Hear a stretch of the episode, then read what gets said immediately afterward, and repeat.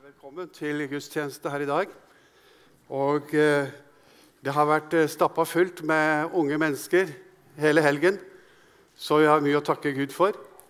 Som eh, får lov til å være i en sammenheng hvor eh, Guds ord får eh, eh, lyde, og mange kommer og hører. I dagens preken så har jeg tenkt at vi skal se litt på bakgrunnen for eh, teksten og sånn. Og så midt i talen omtrent så kommer jeg til å lese teksten. Og da kan de bare eh, bli sittende. Og eh, så fortsetter vi å gå gjennom teksten litt til slutt.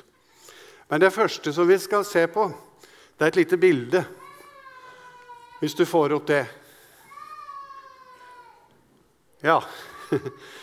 Det er et bilde fra museet på Randsfjorden. Og det er, som dere ser, et flott kjerrehjul. Fantastisk. Og når jeg har sittet og forberedt denne talen for i dag, så har et slikt bilde kommet opp i hodet mitt flere ganger. Og eh, hva har dette med en preken å gjøre, kan du kanskje stille et spørsmål om. Sentrum i hjulet det kalles altså et nav, eller navet. Det er på mange måter utgangspunktet. Og fra navet så går det eiker ut til selve hjulet. Teksten som vi skal lese i dag, det har samme utgangspunkt som flere fortellinger i Lukas evangeliet. Flere lignelser og beretninger har et hovedsentrum.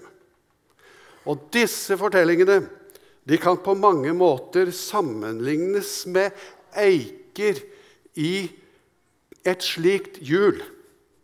Det har et utgangspunkt i sentrum, i det viktigste, i den kristne tro. Og så bygges det ut til selve hjulet. Og hjulet er det som råker på en måte hverdagen. Og slik er det med disse eh, beretningene som vi leser i Lukasevangeliet.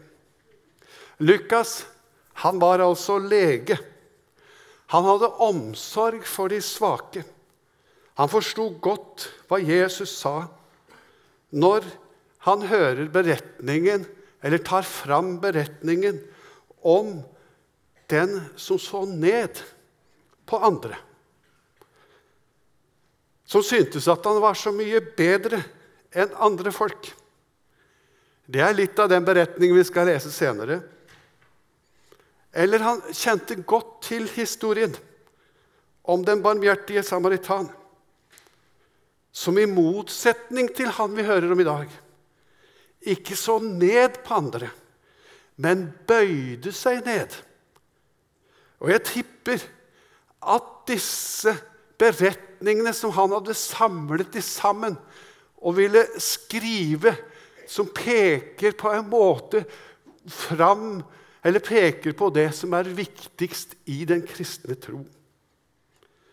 Han ville skrive dette, legen Lukas, som ikke var jøde, men som var en som hadde blitt med i den jødiske tro. Og så ville han skrive det til en kamerat, en som heter for Theofilus. Han ville ta oss og samle disse beretningene og så, og så undervise, og så skulle han få liksom plass til sentrum i den kristne tro. Og så skulle det peke ut og skulle vise hva dette førte til. Og Det er derfor hele tiden dette hjulet har dukka opp. Det er omtrent som et slikt hjul. Og sentrum i det, som han ville vise til sin kamerat, det var at Jesus, han er Guds sønn. Det er derfor han har skrevet dette evangeliet. Og han har skrevet apostelens gjerninger. Hver enkelt en av tekstene står jo godt på egne bein. Men i en sammenheng så blir det veldig, veldig flott å tenke på. Han sier jo sjøl også til Theofilus hvorfor han skriver, eller hvorfor han skriver disse fortellingene. Og hvorfor han har samla alt dette. Jo, han sier det sånn i første kapittel. Nå har jeg bestemt meg, sier han, for å gå nøye gjennom alt ifra begynnelsen og skrive det ned for deg i en sammenheng, ærede Theofilus, så du kan vite at det er pålitelig. Du kan stole på dette, Theofilus. Du kan stole på at Jesus er den som han har sagt å være. Det du har blitt lært opp i, Theofilus, det, det holder. Det er så fint å tenke på. Det var derfor han har laget til disse, eller skrevet ned disse beretningene. Og Det er på en måte to fundament som han viser oss i Lukas evangeliet. Som begge to syns jeg er så fine å tenke på. Det, andre, det var det ene som jeg nå nevnte. Og det andre, det er slik at Se, Theofilus, legg merke til hva som skjer med denne mannen fra Nasaret, denne jøden. Hva er det? Er det bare finfolk som får være sammen med han? Er det bare de som virkelig har fått det til i livet? Er det de han holder seg sammen med? Slik som andre lærere? Slik som de andre som liksom hører til det øverste sjiktet i folket?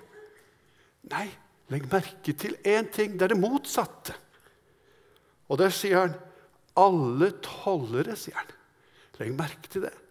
Alle tollere og syndere holdt seg nær til Jesus for å høre ham. Det ville han si til denne bror sin, denne proselytten, Theofilus. Legg merke til hva som skjer med Jesus. Legg merke til livet som bryter seg fram rundt ham. Legen Lukas han vil altså undervise sin bror og oss alle at Jesus er den store lege som er kommet ikke for de friske, ikke for de som har fått det til, men for de syke. Derfor så blir det som eiker i hjulet når han preker til Theofilus og sier Legg merke til en av eikene de heter Den bortkomne sauen. Det er en slik beretning. Hvor hyrden han rett og slett forlater 99 og leiter etter den ene.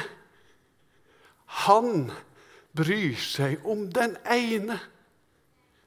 Det er så flott, en sånn forretning. Eller om sølvmynten som ble borte. Kvinnen leite, kvinnene leita, og de fant den til slutt. Slik er det med Guds rike. Og det blir glede når sølvmynten blir funnet igjen. Eller den mest veldig kjente beretningen, som også er en sånn som peker inn mot sentrum. Om den bortkomne, eller om den sønnen som ba om arven, og så sløste han den bort. Han kom hjem til slutt, og vi ser for oss far som speider, og som løper han i møte og omfavner han og gir han kjærlighet der. Og han brøy seg verken om hans stygge klær eller hans illeluktende situasjon. Og vi merker fars glede. Dette ville han fortelle Lukas til deg og til Theofilus. Det er noe med denne mannen fra Nasaret. Også for et par søndager siden så var det også en, en beretning som kommer fra samme, samme sammensetning. Det var om den rike mannen og Lasarus. Han som på mange måter var utafor. Så mye utafor at han ble ikke sett engang av den rike mannen. Han lå der mens den rike mannen gikk forbi, mens hundene slikket hans sår. Kan du tenke deg å være mer bortkommen enn Lasarus? Men, sier Lukas, Gud var hans hjelp. Og englene, sier han, de kom, og så bar de Lasarus til Abrahams fang. Gud var hans hjelp. Ser du liksom en sammenheng i disse beretningene som denne legen vil gi til sin bror Theofilus? En annen beretning som jeg skal ta med før vi leser teksten, eller bare minne om, for at du skal få disse inputene og så se dette i en sammenheng. Den takknemlige samaritan, spedalsk. Han var på en måte utstøtt på to områder. Han var en samaritan som ikke var sett så veldig høyt opp. Og så var han spedalsk, sett på som uren. Han ble et eksempel på hvordan vi skulle være.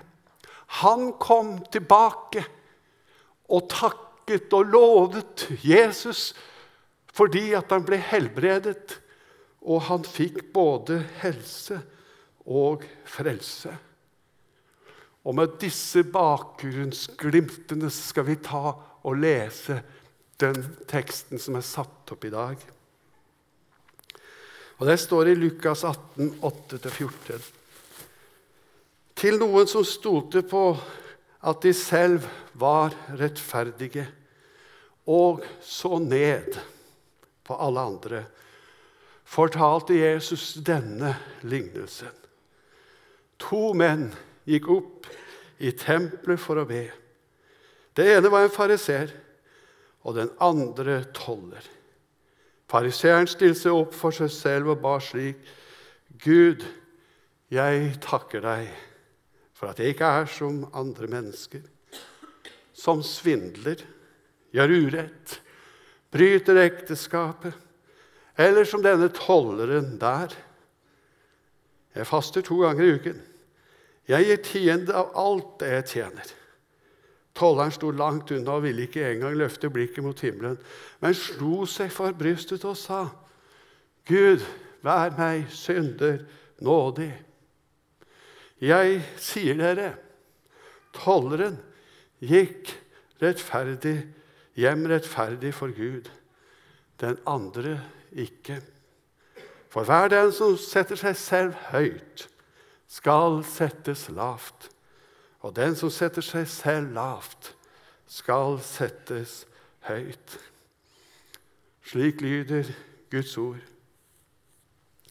Vi har altså pekt på at det fantes en del som på, eh, tekster som viser oss materiell nød, sosial nød og helsemessig nød.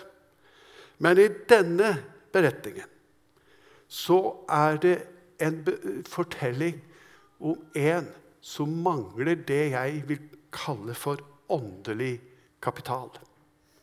Tolleren i denne teksten han manglet åndelig kapital.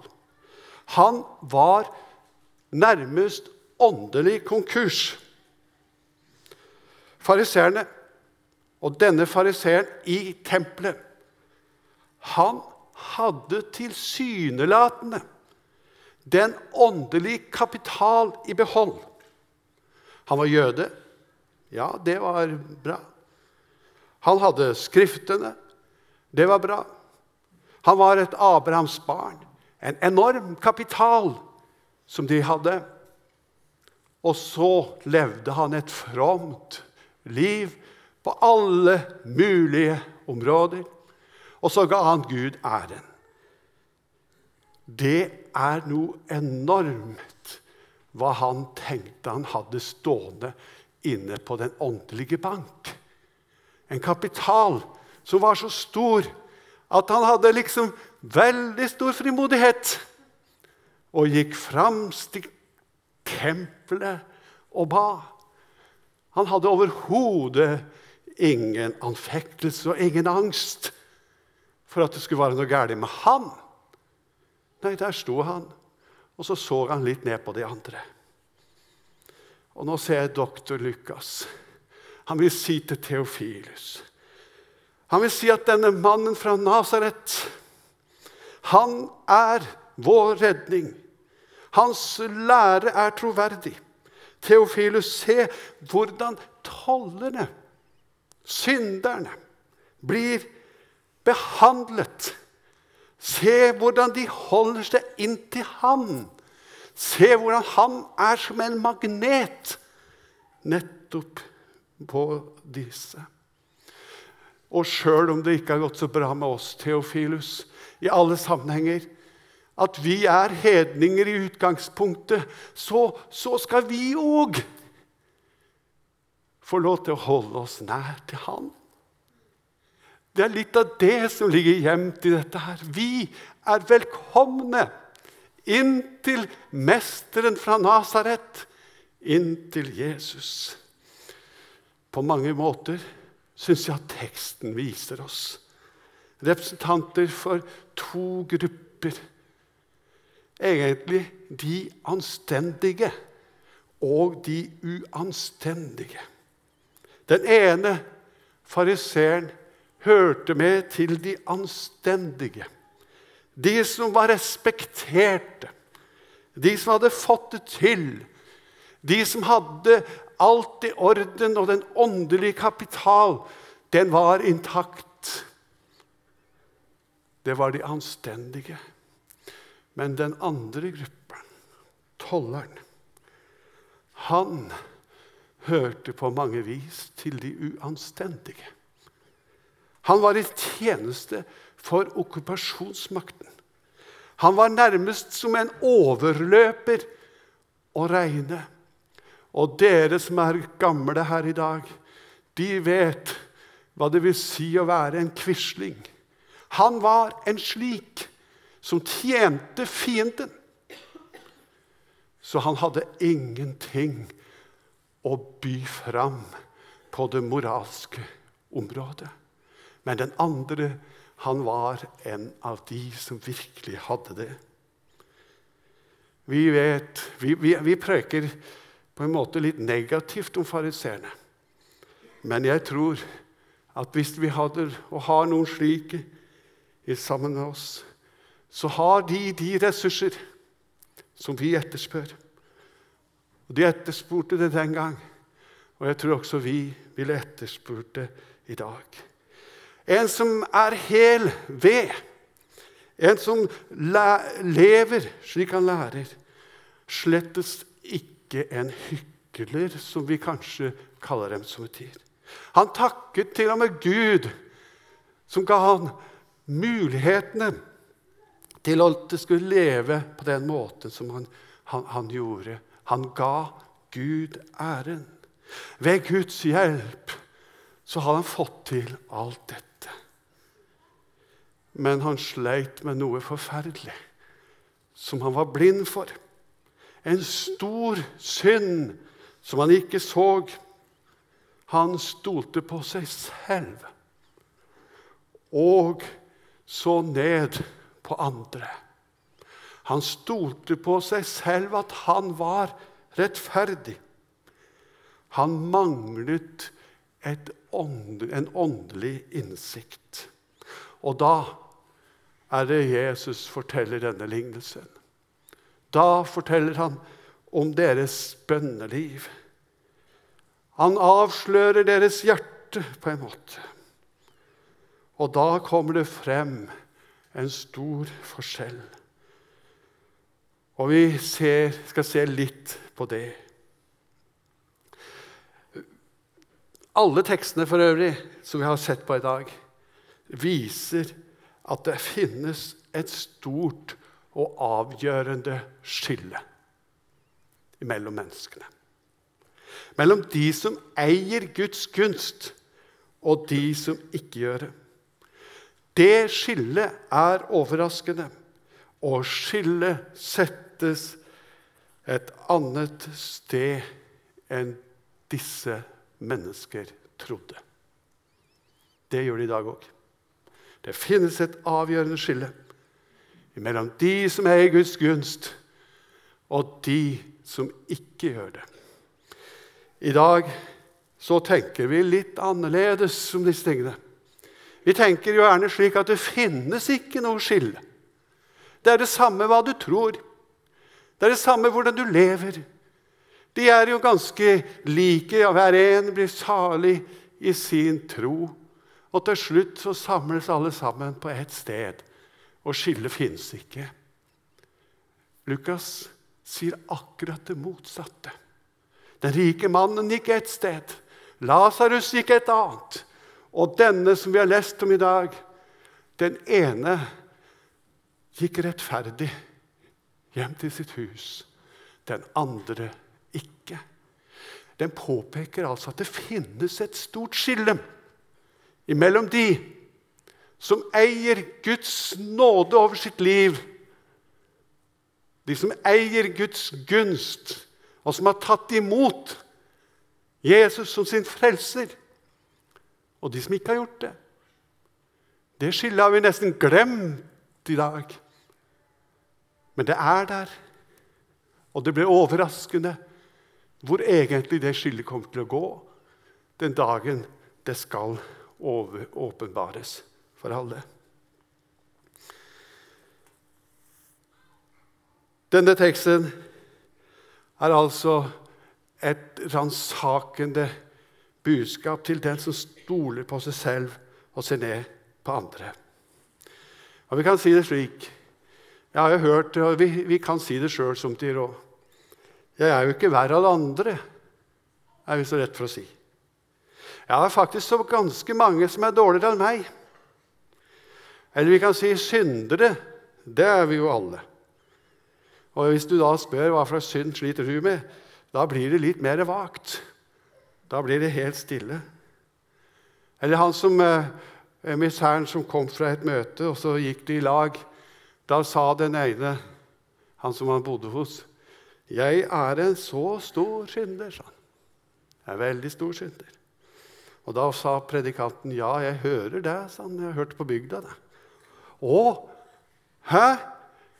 Hva er det de sier?' Det var ikke mye i den synserkjennelsen. Vi har grunnlag alle sammen for selvransakelse. Han som sto fremst i tempelet, han stolte på seg sjøl, og så så han altså ned på andre. Og jeg har spurt meg sjøl i forberedelsen av denne prekenen åssen er det med meg? Jeg Ser jeg ned på de fattige? Ser jeg ned på de som sliter psykisk? Ser jeg ned på handikappede? Ser jeg ned på tiggere, romfolk? ser jeg ned på de som på en måte er helt blåst som vi, på så mange måter. Ser jeg ned på dem som det gikk skikkelig galt for. De har jo seg sjøl å takke, kan jeg si. Er det sånn? Og så kan jeg gi Gud æren for at det har gått så bra med meg. At jeg har så mange seirer. Og så tror vi om oss sjøl at vi er så bra. Han trodde at det var en åndelig kapital som var nok til å gi han rettferdighet, denne mannen som sto fremst i tempelet for å be. Men teksten sier at han gikk Eide ikke Guds rettferdighet når han gikk bort. Det gjorde den andre, tolleren. Han eide Guds rettferdighet. Og Jeg har lyst til å få litt hjelp av apostlene til å tolke disse tankene. Og Vi finner det i Paulus brev til filipperne 3. Han var en sånn fariser som på mange måter hadde en åndelig kapital i sin bank. Og så sier han ytre sett så har jeg selvtillit. Grunn til selvtillit. Ytre sett, for å si sånn, så har jeg en åndelig kapital. Om andre mener at de kan sette sin lit til det ytre, ja, da kan jeg det enda mer, sier han. Jeg har følgende på kontoen, sier han. Jeg er omskåret på en åttende dag. Ja, det er ikke lite. Jeg er av Israels folk og av Benjamins stamme, hebreer av hebreere, lovlydig fariseer, en brennende iver, forfølger av kirken, uklanderlig i min rettferdighet etter loven. Det var ikke lite han hadde å skryte av. Men, sier han, det som før var en vinning for meg, det regner jeg nå for Kristi skyld som tap. Ja, jeg regner alt som tap, for det å kjennes i Kristus Jesus, i min Herre, er så mye mer verdt. For Hans skyld har jeg tapt alt, og alt jeg har tapt, regner jeg som verdiløst skrap. Den åndelige kapital som han hadde på en måte i banken, den var i denne sammenheng ingenting verdt. Det var som skrap imot det å vinne Kristus og få eie Han som sin rettferdighet. Og bli funnet i ham, ikke med min rettferdighet, som den som loven gir, men den rettferdighet som jeg får ved troen på Jesus Kristus. Den rettferdigheten fra Gud bygd på tro. Det er vår verdig. Det er det Jesus har gjort for oss. Vårt perfekte liv. Om du har vært i Misjonssambandet hele ditt liv og vært, gått alle grader, vært alle med på alt mulig, om du har vært den beste av de beste, så er vårt perfekte liv i denne sammenheng å regne som skrap. Det hjelper oss ingenting innenfor Gud. Men den rettferdighet som du får, og som gis til den som ber om det, den gis gratis, uforskyldt, av bare nåde. Den som tolleren fikk, han som sto langt unna. Men han ba, og Gud gav. Gud være meg synder nådig, sa han og slo seg for sitt bryst. Tolleren, han hadde et sinn som var annerledes. Han stolte ikke på seg selv, men ba om nåde og tilgivelse. Han hadde oppdaget sitt behov for tilgivelse. Hadde oppdaget behov, et behov for Jesus. Det er stort. Tolleren gikk rettferdig hjem til sitt hus. Og det er det som er noe av det sentrumet som blir for Lukas i dette. Det er litt av navet i disse beretningene. Det er at det som Jesus har gjort, det gjelder, det holder, og det er det alt dreier seg om at Jesus er sentrum i vårt liv og vår lære. Og vår, i vårt håp så er det han som er sentrum. Lukas sine beretninger de sier at det er rikelig plass for de mislykkede. Det er rikelig plass hos Jesus for de som mangler åndelig, sosial, legemlig kapital. Det er rikelig plass hos Herren Jesus. Det er det legen Lukas vil si, og det er det hele Lukas-evangeliet dreier seg om. Det er plass hos Jesus for deg om det har gått i stykker, og du føler på åndelig mislykkethet. På åndelig fattigdom. Det er plass hos Jesus for slike som oss. Vi får komme akkurat slik som vi er. Om vi er tollere, om vi er aldri så store syndere. Det er rikelig plass hos Jesus. Og for en rikdom denne tolleren fikk. Han gikk altså rettferdig hjem til sitt hus. Sentrumet for alt er nettopp eie. Den rettferdighet. Og den rettferdighet hadde han ikke opparbeidet på sin åndelige, i sin åndelige bank. Men han fikk tilgang til en annens konto. Og det var mesterens konto. Det var den kontoen som han gjorde ferdig da han ropte ut på Golgata 'Det er fullbrakt'. Og tilgangen til den kontoen er for hver og en som ber om nåde og vil inn til Jesus med sitt liv. Du er velkommen dit, og du mangler absolutt alt. Amen.